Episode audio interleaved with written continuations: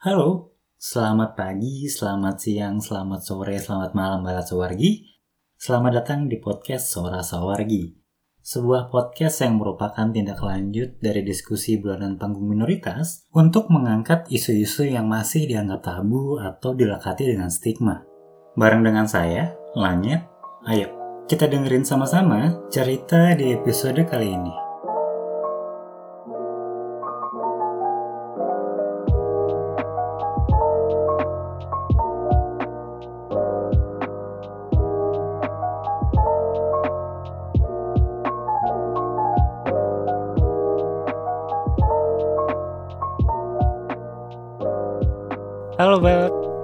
Seneng banget akhirnya bisa ngobrol-ngobrol lagi kali ini di podcast Suara Sawargi. Semoga kamu semua dalam keadaan sehat ya dan jangan lupa buat terus ngikutin protokol kesehatan yang berlaku di tempat kamu tinggal. Di obrolan langit kali ini di Suara Sawargi episode ke-9, mungkin Balat sebenarnya udah sering dengar sebelumnya di dunia yang biner ini, konstruksi sosial sering kali menimbulkan perseteruan antara maskulin dan feminim. Seolah-olah ada yang lebih dibandingkan dengan yang lainnya. Maka dari itu, selalu ada aturan-aturan tidak tertulis tentang bagaimana menjadi seorang pria atau bagaimana menjadi seorang wanita. Jika kamu tidak bisa mencontreng semua poin itu yang tidak pernah ada habisnya, kamu akan selalu dianggap kurang oleh masyarakat. Nah, kali ini langit ingin fokus ke sisi maskulinitas.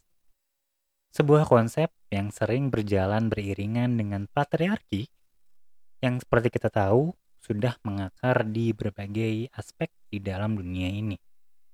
Tentu Balat Sawargi sudah tidak asing lagi dengan celutukan semacam laki-laki kok nangis atau laki-laki kok cuci piring. Yang namanya laki-laki Ya harus jadi pemimpin dong. Apa sih sebenarnya yang membuat para laki-laki ini merasa perlu untuk membuktikan diri mereka bahwa mereka adalah seorang laki-laki sejati? Dan juga kenapa hal ini bisa menjadi toksik? Di episode ke-9 dari Suara Sawargi kali ini, Langit sudah mengundang yang namanya Hani Yulindrasari yang merupakan seorang dosen di salah satu universitas negeri di Bandung buat nemenin langit ngobrol-ngobrol sama yang namanya maskulinitas. Yuk, kita simak sama-sama. Halo, Mbak Ani, apa kabar? Halo Langit, kabar baik. Langit sendiri gimana kabarnya? Kabar baik, seneng banget bisa ketemu sama Mbak Ani lagi setelah setahun, setahun lebih lama nggak ketemu Tahun kita ya. lebih kayaknya, iya. Nah, episode kali ini nih, Mbak Ani, kita kan lagi ngomongin tentang yang namanya toxic masculinity. Hmm. Tapi pertama-tama, Langit pengen nanya nih, sebenarnya maskulin dan maskulinitas itu hal yang sama atau berbeda sih, Mbak Ani?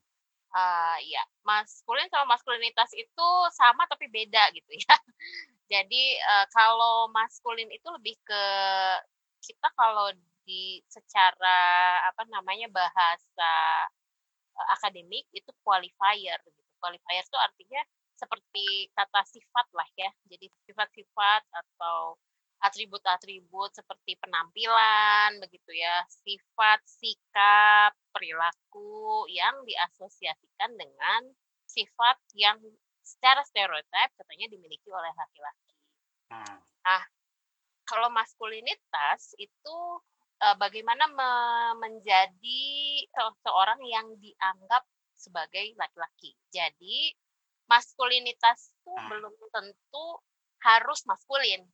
Bisa aja maskulinitasnya feminin itu bisa. Oh, bisa. Langit misalnya mengidentifikasikan diri sebagai laki-laki ya. Hmm. Jadi langit itu punya maskulinitas ya.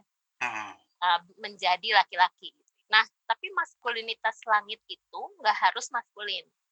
Bisa aja maskulinitas langit itu maskulin, gitu ya. Bisa juga feminin, bisa juga kadang maskulin banget, kadang maskulin aja, kadang feminin. Tergantung dari situasi dan uh, kondisi yang dihadapi. Nah, setiap manusia itu selalu punya maskulinitas atau setiap laki-laki itu punya maskulinitas yang beragam sebenarnya dalam diri dalam dirinya gitu. Hmm. Bisa dicontohin nggak? Misalnya uh, ini langit, misalnya langit laki-laki. Hmm. Kadang-kadang kalau langit lagi main sepak bola, hmm. langit itu kelihatan maskulin banget. Karena identiknya karena, adalah bermain sepak bola itu maskulin. Uh, karena di, di dalam sport itu kan ada agresi, ya main bola itu kan ada agresi, ya kan? Hmm. Terus ada melibatkan uh, fisikalitas yang katakanlah perlu kekuatan, perlu endurance yang tinggi dan lain sebagainya. Kuat, uh, endurance tinggi, terus udah gitu agresivitas itu kan diasosiasikan dengan sifat maskulin. Hmm. Ya. Tapi langit suatu saat misalnya langit uh, menolong seorang teman yang sedang sakit misalnya. Uh, langit tuh bersedia bawain dia makanan gitu ya. Langit tuh peduli menanyakan kabarnya. Itu kan dari hati ya, care gitu, perasaan peduli, kepedulian, ke, kelembutan hati. Nah, kelembutan hati itu diasosiasikan dengan sifat feminin kan? Betul, yeah. Nah, jadi ketika langit peduli sama teman gitu ya, sayang sama teman sampai bawain makanan, ngurusin teman sakit, itu tuh maskulinitas uh, langit itu feminin gitu. Oh, iya, iya. Jadi uh, feminin masculinity jadinya. Hmm. Gitu. Atau caring masculinity, nurturing masculinity, atau maskulinitas yang penyayang begitu. Iya, tapi kadang-kadang kalau misalnya lagi diajak berantem sama orang gitu ya. uh, berantem tuh gitu. bisa dia jadi maskulinitasnya tuh jadi maskulin banget nah itu bergerak nggak nggak tetep gitu tapi ini kan tadi kan contohnya langit ya. Berarti kalau misalkan ada seorang perempuan pun dia pun juga misalkan bahan ini. Berarti hmm. bahannya pun juga punya maskulin dan maskulitas itu sendiri kan berarti? Uh, saya, kalau saya uh, jadi gini. Kalau saya kan perempuan hmm. berarti saya punya femininity kan? Femin, ya, femininitas ya, femininitas bagaimana yeah. saya menjadi perempuan. Tapi femininitas saya itu kadang maskulin kadang feminin juga. Tergantung saya butuhnya apa gitu. Siap siap ngerti ngerti. Ya. Nah uh, ini ini satu yang saya jelaskan di sini itu adalah satu perspektif ya lain. Hmm. ada perspektif yang lain gitu. Kalau kita membahas tentang transgender kita menggunakan istilah female masculinity atau male, male femininity femininity gitu. Dan ini tuh bersifat kolektif nggak sih Mbak? Maksudnya di setiap negara, di setiap daerah itu semua punya paten yang sama terhadap maskulinitas, maskulin, feminin, dan feminitas ini okay. atau berbeda-beda atau gimana? Apakah ada satu hmm. paten tertentu atau gimana? Hmm. Oke, okay, uh, eh, kalau kita bicara maskulinitas, terus femininitas, bicara maskulin atau the maskulin, the feminine gitu ya, itu tuh uh, berarti kita bicara soal gender ya. Gender itu kan konstruksi budaya, konstruksi sosial budaya. Maka setiap budaya juga punya konstruksi yang berbeda-beda tentang maskulinitas ini, begitu ya. Uh, jelas uh, rumusannya itu idealisasi-idealisasi konsep maskulinitas itu beda-beda di setiap negara. Tetapi uh, di dunia ini kita itu kan sangat dipengaruhi oleh kalau kita di global di di negara Indonesia negara bekas jajahan hmm. kita itu sangat dipengaruhi oleh paham-paham yang dibawa oleh kolonial jadi paham-paham yang dibawa oleh negara lain ke Indonesia gitu. Jadi ada transnasionalisme kan. Jadi seakan-akan ada konstruksi maskulin atau katakanlah sifat yang disebutkan sebagai sifat maskulin itu seakan-akan berlaku di setiap negara jadi berlaku secara global begitu. Nah, um, konsep menjadi laki-laki gitu ya, hmm. konsep maskulinitasnya itu kan pasti beda-beda ya. Kalau di Indonesia maskulinitas yang dianggap paling ideal itu adalah maskulinitas yang melibatkan religion ya. Jadi kayak tingkat ketaatan terhadap agama itu masuk ke dalam rumusan uh, idealize atau maskulinitas yang ide diidealisasikan ya terus udah gitu juga uh, unsur finansial ya uh, penguasaan harta terus kemampuan melindungi keluarga, melindungi orang lain itu juga masuk ke dalam konstruksi uh, maskulinitas ideal di Indonesia. Gitu ya. Nah, kalau di Australia tuh beda lagi, di tempat lain beda lagi. Mungkin unsur religiusitasnya itu nggak ada. Kalau di di Indonesia kuat banget tuh unsur religiusitas itu menjadi salah satu rumusan dalam uh, maskulinitas ideal di Indonesia ideal tuh yang diidealkan ya. Artinya ya namanya ideal tuh susah di susah diraih ya. Yeah, yeah, yeah. Namanya ideal tuh di awang-awang gitu loh. nah, ya. ini kan ideal ya. Kalau hmm. misalkan seperti yang tadi Mbak Hani jelasin bahwa maskulinitas yang ideal adalah seperti ini. Bla bla bla ya, bla. Versinya orang Indonesia berdasarkan penelitian saya ya. Iya. Tapi ketika orang melakukan hal tersebut, kenapa sekarang dibilangnya jadi toksik? Nah, uh, gini, jadi idealisasi-idealisasi itu dalam hal apa pun itu jadi toksik, termasuk maskulinitas. Jadi kalau misalnya ada maskulinitas yang ideal, hmm. itu menjadi aspirasi semua laki-laki di di dunia ya. Laki-laki itu sangat kebanyakan laki-laki itu obses terobsesi untuk me mengikuti rumusan maskulinitas ideal itu. Jadi menjadi contohnya laki-laki yang ideal gitu ya. Ya, jadi jadi laki-laki yang paling laki-laki gitu. Nah, misalnya maskulinitas yang ideal itu merumuskan laki-laki itu harus jadi breadwinner, jadi pencari nafkah utama. Hmm. Karena dia harus memenuhi kebutuhan keluarganya. Artinya dia harus banyak duit ya enggak? punya hmm. pekerjaan tetap dan menghasilkan. Satu. Yang kedua, laki-laki itu sebagai protektor atau pelindung. Artinya pelindung dia itu harus pem, harus memiliki sifat agresif, ya kan? Harus kuat juga. Harus kuat gitu ya. Dia itu harus uh, harus disegani.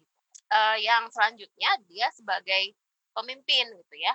Jadi sebagai leader. Nah, sebagai leader itu kan berarti dia suaranya tuh harus didengar jadi hmm. ada tuntutan suara harus didengar, uh, harus ditaati, harus dituruti dan lain sebagainya. Laki-laki itu dari kecil diajari untuk kamu kalau mau jadi laki-laki kamu nggak boleh feminin. Jadi kamu nggak nggak boleh memiliki sifat-sifat yang feminin, katakanlah seperti itu. Nah, rumusan yang ideal itu kan memberikan pressure ya ke laki-laki. Benar nggak?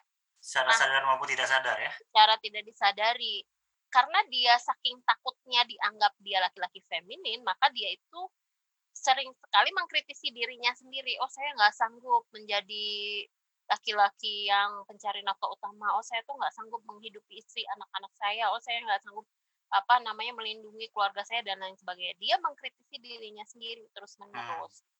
Jadi self aware gitu ya karena konsep idealisasi maskulinitas tadi. Nah, it, kenapa itu toksik? satu kalau misalnya dia merasa kurang di dalam satu bidang maskulinitas tertentu, misalnya dia tidak mampu menjadi pencari nafkah utama, dia tidak punya penghasilan lebih besar daripada pasangannya, misalnya ya, Jadi, maka dia akan dengan laki-laki lain gitu ya, misalnya. Ya, atau dibandingkan dengan laki-laki lain gitu ya. Nah, dia akan mencari supaya kekurangannya itu tertutupi dan dia terlihat lebih maskulin di sisi yang lain. Uh, misalnya salah satu kompensasinya adalah dengan kekerasan. Karena karena saya uh, apa namanya penghasilannya lebih rendah dari pasangan saya gitu ya. Hmm. Saya tidak boleh nih kehilangan kuasa atas pasangan saya tersebut. Uh, sehingga saya harus tetap menguasai pasangan saya dengan cara yang lain. Gitu. Yaitu caranya dengan kekerasan misalnya. Itu uh, salah satu implikasi dari toxic maskulinitas itu. Yeah. Hal yang lain, kalau itu kan ke keluar ya, itu dampak keluar. Hal yang lain ada dampak ke internal laki-lakinya sendiri. Ke dirinya sendiri ya, berarti. Iya, jadi insecure. Ya, hmm. uh, jadi insecure. Ketika laki-laki insecure, dia itu menempatkan dirinya sendiri pada posisi, posisi rentan akan banyak hal gitu ya, kayak uh, misalnya laki-laki itu kan sangat rentan pada keterlibatan kegiatan-kegiatan yang uh, agresif ya misalnya kegiatan-kegiatan yang melibatkan kekerasan dan high risk gitu ya balap-balap motor, terus udah gitu minuman keras misalnya ya, Hmm. alkohol, alkoholisme. Terus udah gitu ya banyak hal lain lah yang yang membuat sebetulnya dia itu merusak dirinya sendiri. Jadi agresif terhadap dirinya sendiri juga. Hanya agar si maskulinitas ini barnya tercapai olehnya ya, demi menjadi maskulin itu tadi. Iya. Nah, eee, hal yang lain adalah kan dia berusaha untuk mengesampingkan emosi ya, karena emosi gitu ya, ekspresi emosi itu diasosiasikan dengan sifat feminin. Hmm. Nah, dia akan men menjauhi itu dan dia me menah apa namanya, menjauhkan diri dari dari emosi. Dia menjauhkan diri dari perasaan empati terhadap orang lain karena empati itu dianggap lemah, karena empati itu adalah sifat yang feminin pada jadi akhirnya kan dia sendiri yang apa namanya, eee, menurut saya dia sendiri yang rugi. Hmm. Dia tidak mampu membangun hubungan yang baik dengan, eee, pasangannya, dengan orang lain gitu ya, karena dia ingin menunjukkan saya tuh kuat. Ya, apa, dampaknya banyak sih sampai Banyak ya? eee, iya. Sekarang kan juga kalau nggak salah yang sering kena serangan jantung itu kan ya laki-laki dibandingkan perempuan ya. Hmm. Jadi kalau dari sisi kesehatan juga ada gender segregasi, kan ada segregasi gender di dalam kesehatan ya. Maksudnya siapa yang lebih sering kena heart attack, siapa yang lebih sering kena stroke gitu ya, laki-laki atau perempuan. Nah, itu ada kaitannya menurut saya dengan konsep maskulinitas yang terlalu rigid.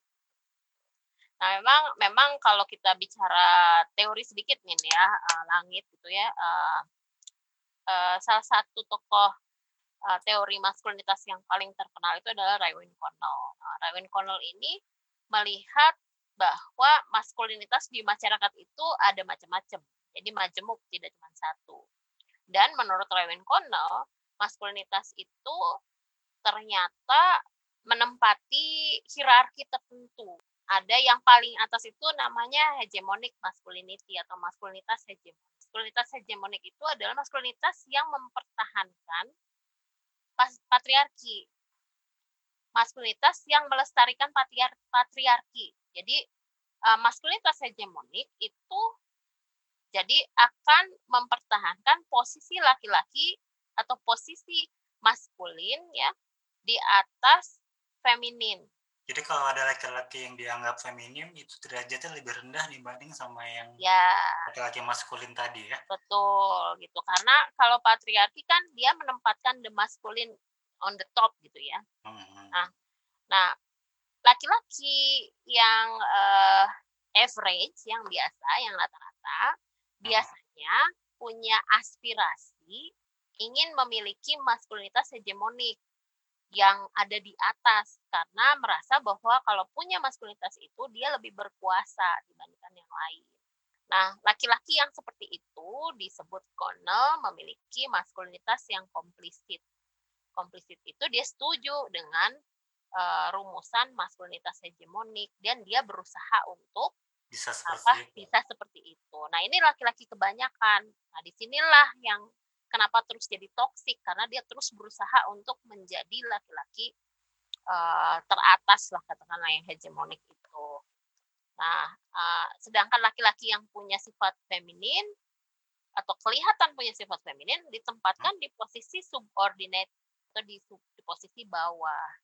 Sehingga banyak dibully, diejek dan lain sebagainya. Yaitu karena pemahaman tadi, eee, maskulin itu ada di atas feminin. Tadi itu ngomongin tentang ya. Raewyn Co Connell ya? Kalau nggak salah satu lagi Ya. tuh ada maskulin termajil Termarginalisasi, marginalized iya iya. masculinity ya. Nah. Marginalized masculinity itu no matter what dia apa ya apa pun yang dia lakukan, dia tidak akan pernah mencapai, eee, hegemonic masculinity. Tidak pernah dianggap, eee, sesuai dengan rumusan hegemonic masculinity. Semaskulin apa pun itu?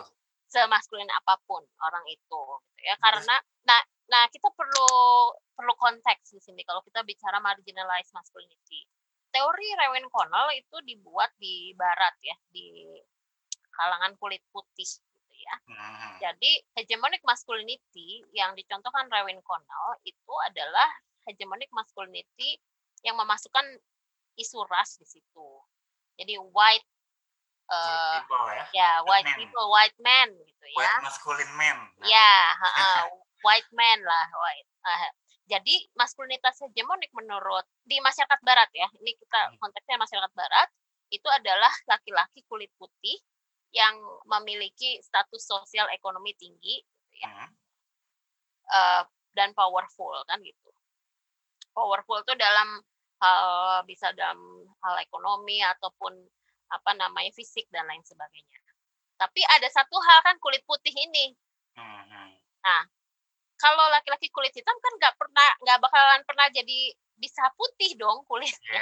Ya, Trustnya nggak pernah nggak bakal bisa berubah walaupun kayak Michael Jackson yang dia secara warna kulit dia jadi putih gitu ya. Tapi secara ras dia tidak akan pernah bisa berubah jadi ras kulit putih. Makanya itu disebut marginalized masculinity. Jadi termarginalisasi mau kayak apa pun dia gitu, mau se kayak apa pun, mau sekuat apa pun, mau maskulin apa pun, selama dia tidak kulit putih, itu dia tidak akan bisa mencapai hegemonic masculinity. Tadi kan itu kan konteksnya misalkan di barat ya. Kalau di kalau di Indonesia Saya jawab dulu kalau di Indonesia ada nggak marginalized masculinity? Ada marginalized masculinity. Kalau rumusannya rumusannya uh, Soeharto dulu, maskulinitas itu di Indonesia itu memasukkan unsur uh, kejawaan ya. Jadi Soeharto, oh dia punya oh ya orangnya Soeharto itu sangat Artinya kan kita masukin Soeharto itu kan sangat kuat mempromosikan konstruksi gender tertentu. Jadi dia itu menghomogenisasi konstruksi gender di Indonesia. Uh, dia mengadopsi konstruksi gender Jawa Hmm. menjadi konstruksi gender orang Indonesia. gitu ya. Hmm. Jadi kalau misalnya saya boleh mengatakan uh, hegemonic masculinity-nya Indonesia itu sangat dipengaruhi oleh kejawaan. Jadi bisa dikatakan kalau misalnya laki-laki itu bukan orang Jawa, dia akan sulit untuk masuk ke katakanlah uh, the top uh, apa men gitu ya di Ya, Indonesia. hegemonic masculinity itu Ya, tadi. Ya, kalau kita lihat contohnya katakanlah kalau misalnya presiden adalah representasi hegemonic masculinity. Ini kalau ya, bukan Oh, iya, iya. bahwa iya. Kita lihat aja presiden di Indonesia berapa orang sih orang Jawa? Berapa orang yang non Jawa? Cuman satu kan Habibie doang gitu. Ya, Habibie dikasih izin. Habibie pun bukan nggak Habibie, Habibie pun kan nggak terpilih ya. Dia tuh kan Iya, karena gara-gara menggantikan Soeharto turun. Iya. Soeharto turun dia dulunya wakil presiden terus dia dia jadi presiden setelah mau pemilihan kedua dia nggak terpilih itu pun juga jangka waktunya nggak lama ya waktu nggak dia lama dia transisi padahal eh, seberapa bagusnya Habibie mendemokratisasi Indonesia. Kan demokrasi Indonesia demokratisasi Indonesia paling menurut saya paling drastis terjadi itu di masanya Habibie gitu ya. Nah tapi kan itu nggak nggak dia nggak terpilih lagi. Terus Indonesia terus-terusan dikuasai oleh presiden eh, beretnik Jawa. Dan itu secara tidak sadar itu masuk ke, ke kepala kita ya kalau misalkan di kita nggak sadar ya kita nggak sadar ya bahwa orang Iya. Jawa itu adalah maskulin yang sangat ideal dan termasuk hegemonik masculinity itu tadi ya, ya dan ya ini pun langit juga ternyata baru sadar ternyata iya juga ya benar ya gitu presiden Indonesia itu nggak ada Mm-mm. yang nggak ada yang orang Jawa gitu Yusuf Kala, Yusuf Kala Makassar. Tapi sampai mana dia posisinya sampai wakil presiden, nggak jadi presiden. Dia kan pernah pernah mau apa mencalonkan diri jadi presiden kan waktu itu sama Wiranto kan. Kayak eh, ya peristiwa Ahok itulah udah kelihatan banget gitu bahwa Hmm. dia nggak akan mungkin masuk ke hegemonic masculinity. Dia pasti termarginalisasi mau sekaya mau semaskulin apa pun dia gitu. Nggak nggak bisa masuk ke dalam kelompok itu gitu. Nah, terus sekarang kita bicara toxic. Nah, toxic masculinity ada di mana-mana, ada di Indonesia, ada di luar gitu, ada di mana-mana. Kalau di Indonesia ini eh, saya ngelihat karena patriarkinya cukup kuat gitu ya. Toxic maskulinitasnya juga terasa sangat kuat sekali. Eh, contohnya gini, laki-laki yang punya eh, sifat feminin, ya, itu terus langsung dibully, dibully ngondek lah, ya kan. Terus dan lain-lain. Emang eh, saya kadang-kadang suka apa namanya eh, sih seorang laki-laki selalu dinilai dari sifat maskulinnya gitu, kelaki-lakiannya dia. Nah, itu ejekan-ejekan uh, ngondek itu sering banget di Indonesia. Terus saya kan penelitiannya uh, di guru-guru guru-guru laki-laki yang bekerja di TK ya.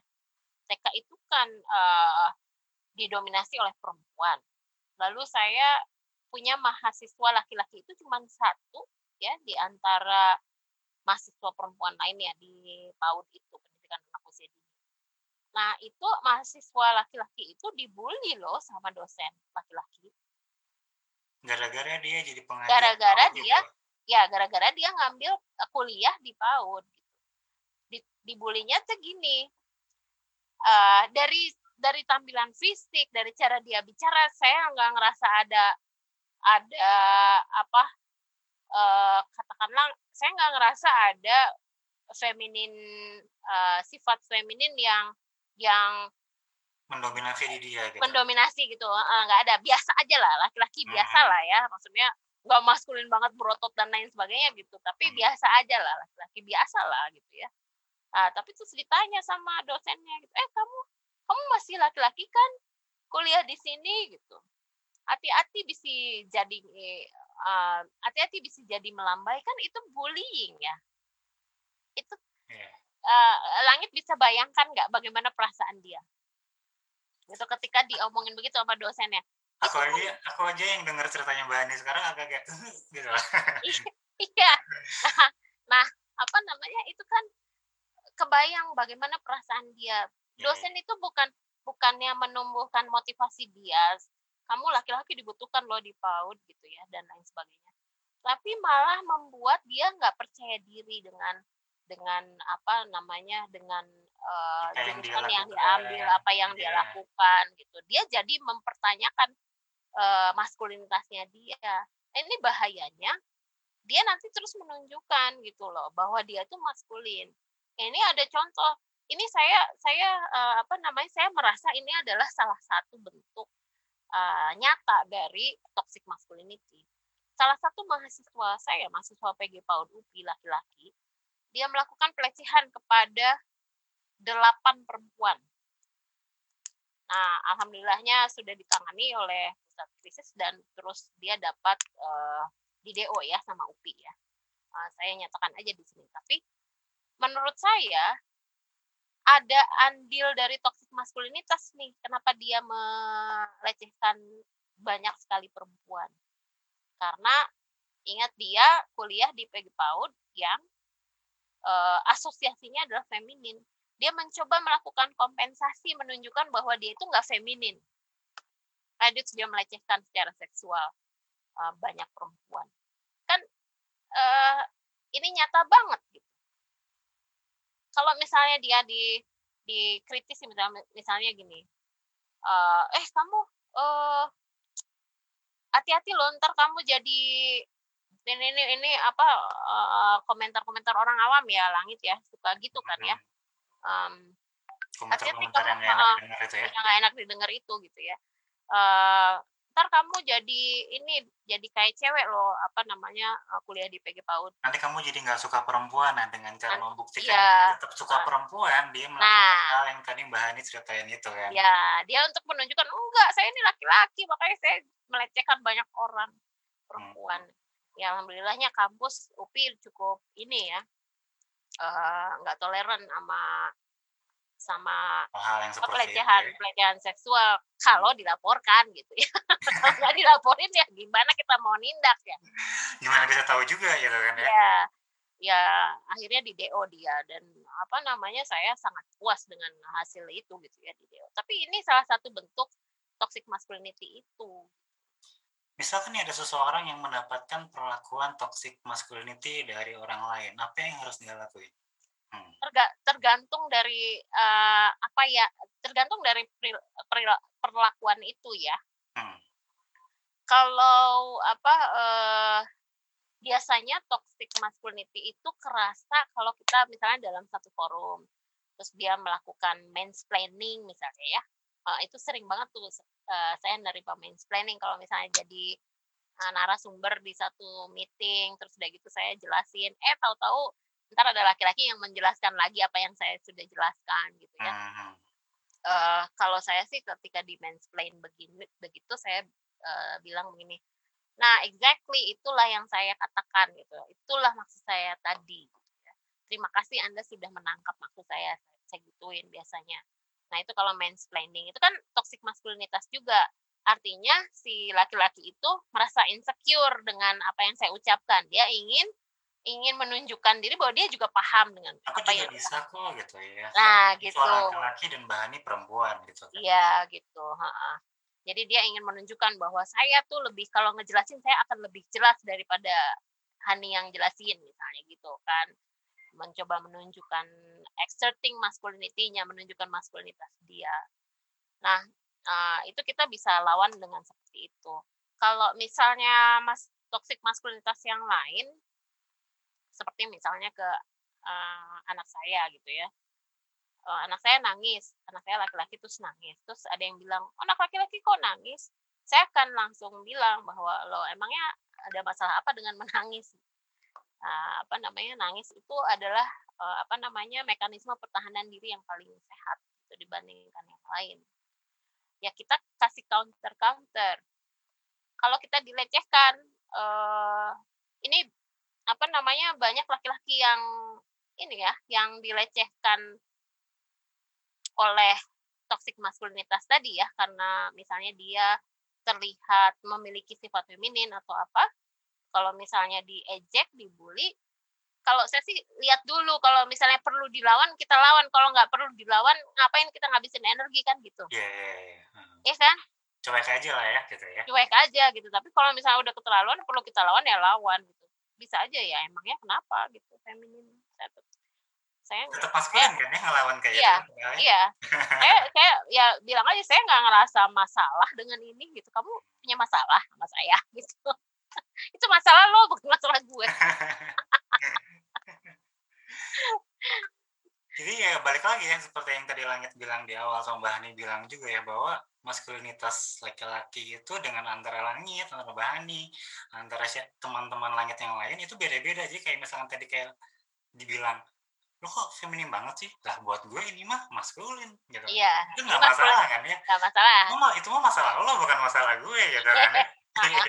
ini maskulinitas gue Iya.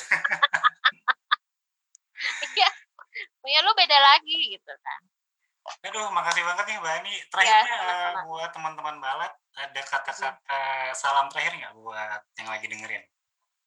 kalau saya sih eh, ingin me, apa namanya mengkampanyekan gitu. berhentilah mengasosiasikan maskulinitas dengan maskulin gitu. Jadi eh, bahwa maskulinitas itu bisa maskulin, bisa feminin, dan Hmm. bahwa maskulinitas itu sifatnya nggak tetap. Dan apa namanya eh, tingkat eh, manliness atau kelaki-lakian seseorang itu jangan diukur dari seberapa eh, banyak dia memiliki sifat maskulin gitu. Tapi dari mana kalau begitu? Ya Hmm. manliness itu jadi harus dipahami sebagai satu konsep yang beragam. Jadi manliness itu ketika seseorang menyatakan dirinya laki-laki, yang nggak nggak ngaruh ekspresi gendernya dia apa gitu ya, dia tetap dianggap itu maskulinitasnya dia. Itu sangat personal ya. Jadi mungkin maskulinitasnya langit dengan temannya langit itu bisa Beda. berbeda kan ya. Mm, Nggak bisa disamaratakan semua kalau ya aku kayak gini, kamu pun juga harus seperti itu dan dia pun juga harus seperti itu. Ya kan ya? Betul ya Ani ya? Iya, heeh. Cara paling gampangnya kita sebetulnya kita uh, coba lihat aja ke diri kita sendiri gitu ya. Kita tuh harus ramah sama diri sendiri. Kalau suatu saat kita sedang galau, sedang dalam posisi yang sangat rentan ya. Karena kita manusia gitu. Semua manusia juga ada posisi rentannya. Nggak harus kuat, nggak harus selalu kuat gitu. Nggak harus selalu menunjukkan apa eh, sifat-sifat atau karakter yang maskulin karena pengen dianggap bahwa saya ini adalah laki-laki yang eh, paling laki-laki. Laki-laki seutuhnya gitu ya, laki-laki paling Ya. ideal ya. Eh, laki-laki ideal. Hmm. Bahwa tidak mungkin kita menjadi seorang manusia itu dengan sifat yang tetap, misalnya maskulin terus gitu ya. Sama saya juga femininitas saya itu nggak mungkin saya feminin terus. Kalau feminin terus saya pasti tersubordinasi terus. ya kan? Nggak mungkin. Suatu saat harus kita apa namanya menunjukkan power kita, menunjukkan kuasa kita gitu. Gak Ada bakal ajak ya. kita itu hidup itu kayak rujak ya. ya kan? Ada macam-macam di dalamnya ya. Hidup kita tuh udah kayak rujak gitu. Ada Ah. pedas, ada asam, ada manis, ada ah, segala macam gitu. Tentunya kita nggak akan survive kalau kita kaku ngelihat oh saya kan karena saya laki-laki saya harus maskulin saya nggak boleh kayak gini karena saya laki-laki loh Hmm. kenapa gitu nggak boleh begini nggak boleh begitu kenapa harus menyiksa diri sendiri gitu ya Biasanya tuh yang biasanya pertanyaan mengapanya itu balik lagi sih Mbak Ani. Gara-gara ada yang tadi mungkin Mbak Ani pernah tadi ya ada konstruksi sosial, budaya dan religion itu tadi sih. gini ya sebenarnya inti dari segala hal yang bikin toksik itu adalah kita itu terlalu ingin mengikuti apa kata orang lain kita tuh terlalu ingin mengikuti eh, harapannya orang lain gitu harapannya harapan sosial apa pun itu di luar maskulinitas juga sama. Kalau kita terlalu eh, terpaku pada harapan orang lain atau harapan sosial itu akan beracun buat diri kita sendiri itu akan toksik buat diri kita sendiri. Jadi kalau menurut saya selama anda merasa atau selama teman-teman merasa bahwa teman-teman itu punya uh, apa maskulinitas gitu ya ya udah nggak usah harus ngikutin urusan apa yang diharapkan oleh orang lain. Nggak usah harus ngikutin rumusan rumusan uh, apa sosial tentang laki-laki maskulin gitu ya. Maskulinitas itu bisa feminin juga. Is okay. Dan nggak ada orang yang uh, selamanya memiliki maskulin masculinity atau maskulinitas yang maskulin. Pasti beragam ya yang dimiliki nggak mau ngaku aja dia kalau bilang enggak gue sih selamanya maco nggak mungkin. Jadi intinya just be yourself ya, berarti Mbak ya. iya iya. Yang sehat itu kan penerimaan. Penerimaan diri ya. ya yang toksik itu tidak menerima kan gitu. Jadi ya ya selama kita menerima diri kita sendiri insya Allah kita nggak akan apa namanya masuk ke dalam satu lingkungan yang toksik toxicity bisa dimulai dari diri sendiri loh ya Hmm, hmm. Hmm. Yang menyebar ke mana-mana ya, tanpa iya disadari. heeh. karena karena kita terlalu ngepush diri sendiri untuk mengikuti harapan sosial tadi berat jadinya hidup ya Oke nih Mbak Ani, eh, makasih banyak ya. ya sama-sama Udah mau ngobrol sama Langit untuk hari ini, ngomongin tentang toxic masculinity juga. Hmm. Dan sampai ketemu lagi ya Mbak Ani. Di episode kali ini, Suara Sawargi juga mengundang salah satu balat yang namanya Retsu. Sebagai seorang trans pria, Retsu punya dimensi yang serupa tapi tak sama dalam menghadapi toxic masculinity dari berbagai komunitas yang ia ikuti. Seperti apa sih ceritanya? Halo Rutsu, apa kabar? Halo, halo baik langit. Dirimu gimana? Kabar baik juga. Lama banget aku nggak ketemu sama kamu. Rutsu, buh, kapan terakhir kita ketemu ya? ya Allah sebelum covid kayaknya. Masa sih sebelum covid? Eh. gila tuh. Iya nggak sih? Iya tahu. nggak sih? Iya ya, bener ya. Ya, kayaknya Anjir, iya anjir sebelum covid anjir. udah tahun lama lalu. banget. Kegiatannya ngapain sekarang kamu setelah lama banget kita nggak ketemu? Eh, setelah lulus kuliah ya sudah cuma jualan online, ngurusin kucing.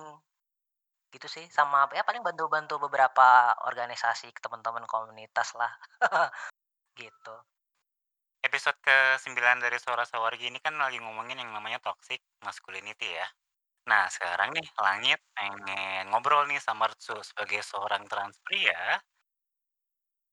Mengalami juga nggak sih yang namanya toxic masculinity ini? Oke. Ini gua gua ini ya apa namanya dari perspektif pers- apa perspektif gua sebagai trans pria ya. Tapi apa namanya? eh tapi ini da- dalam pendapat gue juga ya karena kan pasti teman-teman trans lainnya kan pasti akan beda-beda juga ya gitu. Nah, nanti jangan sampai di, di sebagai perwakilan ya ntar. Oke, kalau pengalaman gua mah gimana ya soal toxic masculinity dalam kehidupan gua gimana ya? Mungkin karena toxic masculinity kan awalnya memang itu kan konstruksi sosial ya, dari konstruksi Mhm. sosial dan tuntutan eh, masyarakat. Kalau kalau gua ini dari gua sendiri dan juga gua memperhatikan teman-teman trans lainnya, teman-teman trans pria lainnya itu gua memperhatikan mungkin dampaknya adalah mereka mencoba, mmm, supaya bisa diakui kelaki-lakiannya dalam tanda kutip. Laki-laki cisgender aja banyak ininya kok, banyak kesulitannya ya apalagi yang yang trans gitu, yang jelas-jelas di awalnya tuh mereka tidak dicap sebagai laki-laki. Kalau lu kan maksudnya kalau langit ya, lu ya langit ya, walaupun misalnya lu ngondek kayak apaan tahu, lu akan tetap dianggap laki. Karena lu laki walaupun lu ngondek. Teman-teman trans pria ini kan kita kan terlahir dalam tubuh tubuh, eee, dalam bi apa, tubuh biologisnya, eee, perempuan. Mem Mhm. apa, memiliki vagina, rahim, segala macamnya gitu kan. Kita, eee, tubuh biologis kita tuh tidak seperti laki-laki pada umumnya gitu. Dan otomatis karena kita dari lahir sudah di dilabeli sebagai perempuan gitu kan, eee, dan diajarkan sebagai perempuan gitu kan, konstruksi sosialnya seperti itu gitu kan. Ketika kita menyadari bahwa, "Oh ternyata kita ternyata, eee, gue bukan perempuan nih, gue laki-laki," gitu kan. Dan untuk bisa diakui sebagai laki-laki, ya otomatis Harus akan maskulin bertindak ya? heeh, harus maskulin dan bertindak sebagai laki-laki pada umumnya gitu kan. Mhm. Kan gitu. Dan alhasil nggak bisa mencapainya itu akhirnya jadi toksik, ngerti nggak sih maksud gua? Jadi kesannya itu jadinya malah kayak dibuat-buat, maksain. Maksudnya gini, kalau misalnya ditanya jadi laki-laki atau jadi laki-laki itu seperti apa sih? Gue sering banget ditanya begitu ya, Mas. Gue sebenarnya sejujurnya gue bingung ya kalau di ditanyain jadi laki-laki itu yang seperti apa dan bagaimana gitu. Karena, eee, gue sendiri tidak bisa merasakan, eee, apa itu laki-laki dan apa itu perempuan.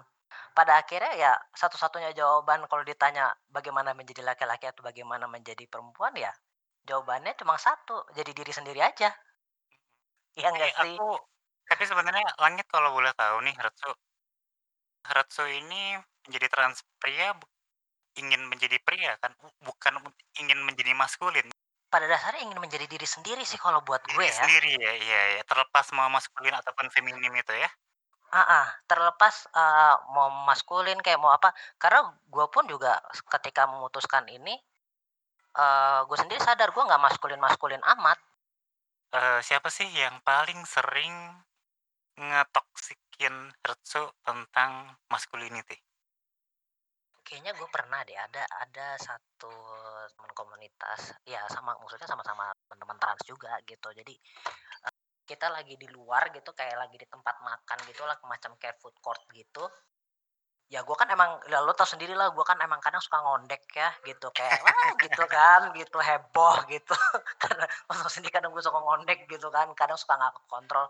Nah, gue lagi nongkrong tuh sama dua dua teman trans pria lainnya gitu dan di tengah-tengah itu kadang gue suka keceplosan kayak gitu, bilang, "Eh, jangan kayak gitu, laki laki," dia gitu. "Hah? Oh iya?" Terus gue kayak, "Hah hah? Oh iya ya." Begitu, kayak gue gitu sih kayak bingung sendiri kayak, "Kok gini banget sih?" Gitu. Gue dulu kayak gitu. Bahkan juga dulu sih waktu awal-awal, apa ya, mmm, ya ada juga yang waktu awal-awal gue waktu pas masih nyari-nyari soal trans pria dan gue akhirnya ketemu sama teman-teman trans pria lainnya. Eee, waktu itu kan gue belum HRT ya, belum belum terapi hormon, eee, jadi bentuknya masih rada-rada androgini gitu gue dulu dandanannya gitu, penampilan gue masih androgyn banget. Pas ketemu sama teman trans pria lainnya, mmm, dia kayak mempertanyakan gitu kayak, eee, "Lu trans man?" Digituin kan gue kayak, "Hah?" Eee, iya gitu, karena gue kan masih baru-baru gitu kan, jadi kayak agak bingung juga padahal sebenarnya dalam hati gue, gue sebenarnya masih nyari-nyari nih gitu kan, eee, gue beneran trans man apa enggak gitu. Dulu gue masih nyari-nyari gitu dan dulu tuh kesannya kayak, apa ya, trans man kayak harus identik dengan dengan terapi hormon ya, dulu sih, dulu, gitu. Tapi kan pada akhirnya pas udah mulai-mulai belajar, akhirnya jadi jadi bisa mengetahui bahwa, oh kalau lo jadi trans man tuh nggak mesti harus terapi hormon gitu, lo juga harus menghargai teman-teman yang tidak memutuskan untuk apa, terapi medis gitu, untuk bis untuk memutuskan transisi medis, tapi dia mengaku dirinya sebagai laki, ya lo harus ini juga, apa namanya, eee, menghargai juga gitu. Balik lagi ke Karena kan pilihan orang masing-masing ya, Retsu ya? Iya, heeh, gitu. Jadi pa ya gue tidak menyalahkan teman-teman tersebut ya, karena kan teman-teman teman-teman trans pria lainnya kan bisa seperti itu karena adanya konstruksi sosial yang di mana membuat mereka bahwa supaya lo dianggap laki, lo harus A, B, C, D, E gitu. Kalau lo tidak A, B, C, D, E, ya lo bukan laki. gitu kan. Tuntutan-tuntutan sosial itu jadinya. Pada akhirnya tuntutan sosial balik lagi gitu, terpengaruh. Dan ketika Retsu memperoleh perlakuan gitu tadi, apa yang Retsu lakuin? Gue bingung, ah, karena gue masih memperhatikan kan kayak, "Oh kok kok gini?" Gitu kan. Bahkan gak cuma di teman-teman transpria ya, gue lebih ngerasain kalau teman-teman transpria menurut gue masih agak mending ya ketimbang kalau lo tahu, eee, lesbian maskulin atau butch, itu menurut gue lebih kerasa lagi toxic maskulinnya. Kalau menurut gue, karena ya lo tahu sendiri, nah teman-teman lesbian kan itu kan sama-sama perempuan ya, tapi kan biasanya mereka suka bermain peran bahwa ada yang menjadi laki-laki, ada yang menjadi perempuan, yang laki-laki ya kita biasa sebut sebagai butch-nya atau bucinya itu, terus yang jadi perempuannya biasanya namanya femme, kayak gitu kan sebutannya itu, gitu.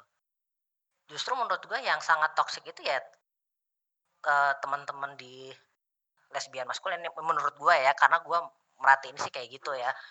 Kayak apa ya, maksain diri yang buci-buci ini maksain diri untuk, "Kan gue lakinya, jadi gue yang harus kerja, cari uang," gitu, keluar gitu. "Lu sebagai femme-nya lu di rumah aja," gitu, "jagain rumah," gitu, "harus bersih-bersih segala macem," gitu. Yang bucinya mah harus keluar cari duit ya selayaknya apa ya, layaknya cisgender yang heteronormatif gitu loh. Iya Dan itu iya maksain iya banget iya. menurut gue kayak, "Apaan sih kok melabel-labelkan kayak gitu?" Gitu. "Emang kenapa kalau" terus atau enggak, "Gue kan bucinya gue harus doang yang bayar," gitu.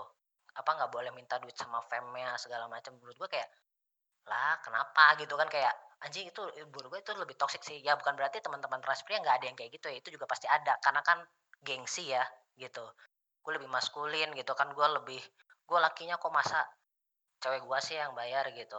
Sebenarnya begitu aja sih menurut gue udah udah toxic ya, kayak gengsi-gengsian.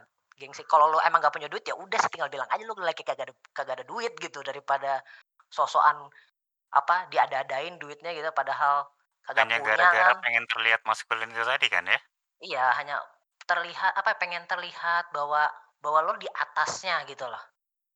Di atas gitu. Lu nggak mau di terlihat di bawah atau direndahkan. Ya intinya pada akhirnya adalah untuk menunjukkan bahwa karena lo laki, karena lo maskulinnya, ya lo harus lebih di atasnya yang di atasnya yang feminin atau di atasnya perempuan gitu. Agar dianggap sebagai pemimpin gitu, imamnya atau mungkin dalam tanda kutip kayak gitulah. Yang harus selalu di depan gitu kan, yang harus mengayomi gitu, yang harus membimbing gitu. Dan harus didengar suaranya.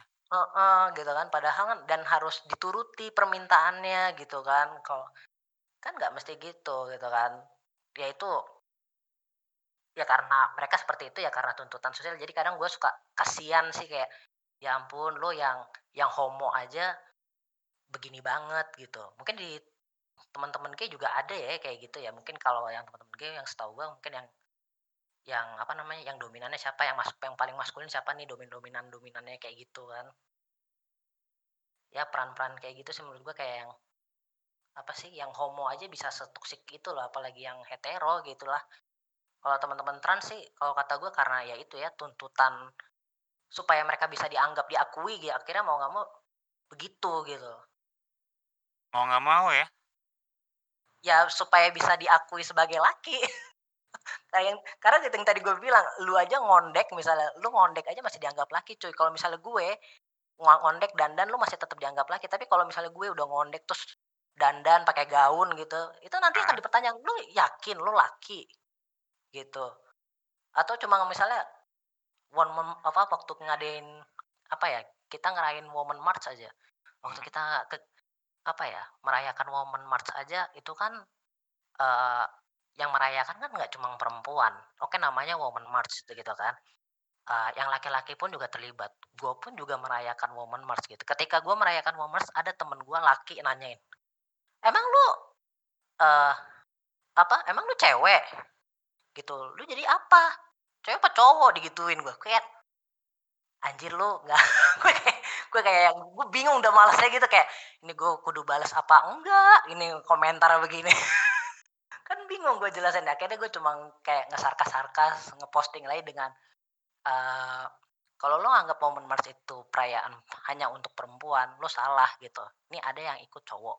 Ini ada yang ikut cowok cowok cowok cowok cowok. Gue tunjukin gitu aja. Jadi gue nggak nggak nggak merespon komen dia tapi gue cuma nunjukin bahwa yang terlibat dalam momen Mars itu tidak hanya laki-laki dan ini bukan tentang Tidak eh tidak hanya perempuan maksudnya. ah Ah. tidak hanya tidak hanya perempuan dan wah apa namanya perayaan momen Mars itu bukan perayaan khusus perempuan tapi khusus kita semua yang di mana kita apa ya menjunjung tinggi mungkin keseta, apa kesetaraan kesetaraan kesamaan gitu bahwa mau laki mau perempuan ya sama-sama manusia toh juga yang dilawan kan adalah yang patriarki tersebut ya patriarki sendiri juga kan apa sih namanya sistemnya Tidak itu ya yang kita lawan Iya, ya. sistem-sistem yang tidak adil tersebut yang kita lawan kan adalah sistem yang tidak adil ya.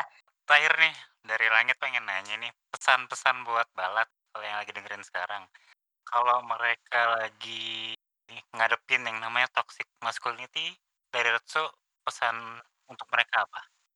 Hmm, sadar diri aja deh, sadar diri, eh, belajar, jadi diri sendiri aja. Kalau kalau misalnya berusaha untuk menerima diri dan jadi diri sendiri, gue yakin gak akan maksain diri sendiri deh. Itu Yang sih, just be yourself ya Retsu. just ya, just be yourself. Kesadaran deh, maksudnya kalau memang eh, gimana ya? Ya sadar diri, gue gue selalu ngomongnya sadar diri. iya sih, sadar diri dan bawa apa ya? eh intinya tuh sebenarnya dalam hidup ya balancing itu sih keseimbangan gitu. Jadi gak usah lah bawa-bawa gengsi atau maksudnya dan kalau misalnya lo emang maskulin, maksudnya emang emang lo maskulin dan gak mau terlihat feminin ya ciptakanlah maskulin versi lo sendiri aja gitu. Gak usah maskulin maskulin yang udah ada yang di mana tuntutan sosial itu menurut lo kalau kalau menurut lo maskulin yang diinginkan sosial itu sangat berat ya lu bisa ciptakan maskulin versi lo sendiri. Dengan misalnya lu jadi cowok yang hobi skincarean dan menurut lo itu maskulin ya itu sah-sah aja gitu. Gak ada masalah ya yang- kayak gitu ya. tidak ada yang salah gitu. Jadi jadilah apa ya versi maskulin diri lo aja deh gitu. Tapi nggak usah berlebihan juga gitu. Ya jadi diri sendiri intinya pada pada hakikatnya itu. Ya nggak sih Makasih banyak ya Retsu udah mau bagi cerita jam segini mau direkam suaranya. makasih juga langit mohon maaf ya Sama-sama. Oke deh, eh, sampai ketemu lagi ya Retsu ya. ya bye bye Obrolan singkat langit bareng Semartsu barusan sekaligus menutup episode ke-9 dari podcast Suara Sawargi kali ini. Seperti yang tadi Teh Hani mau penersu bilang, mari kita sama-sama berkaca pada diri kita sendiri. Apa sih sebenarnya makna maskulinitas buat kamu? Apa betul kita harus selalu mengikuti apa kata orang? Jangan-jangan tanpa sadar kita sudah berlaku toksik juga buat diri kita sendiri maupun untuk orang lain di sekitar kita. Nantikan episode-episode dari Suara Sawargi selanjutnya yang bisa kamu dengerin di Anchor, Google Podcast, Spotify, maupun platform podcast lainnya. Selain itu, jangan lupa juga untuk ikuti kami di Instagram @panggung_minoritas untuk semua update kegiatan-kegiatan dari panggung minoritas yang lain. Sampai jumpa.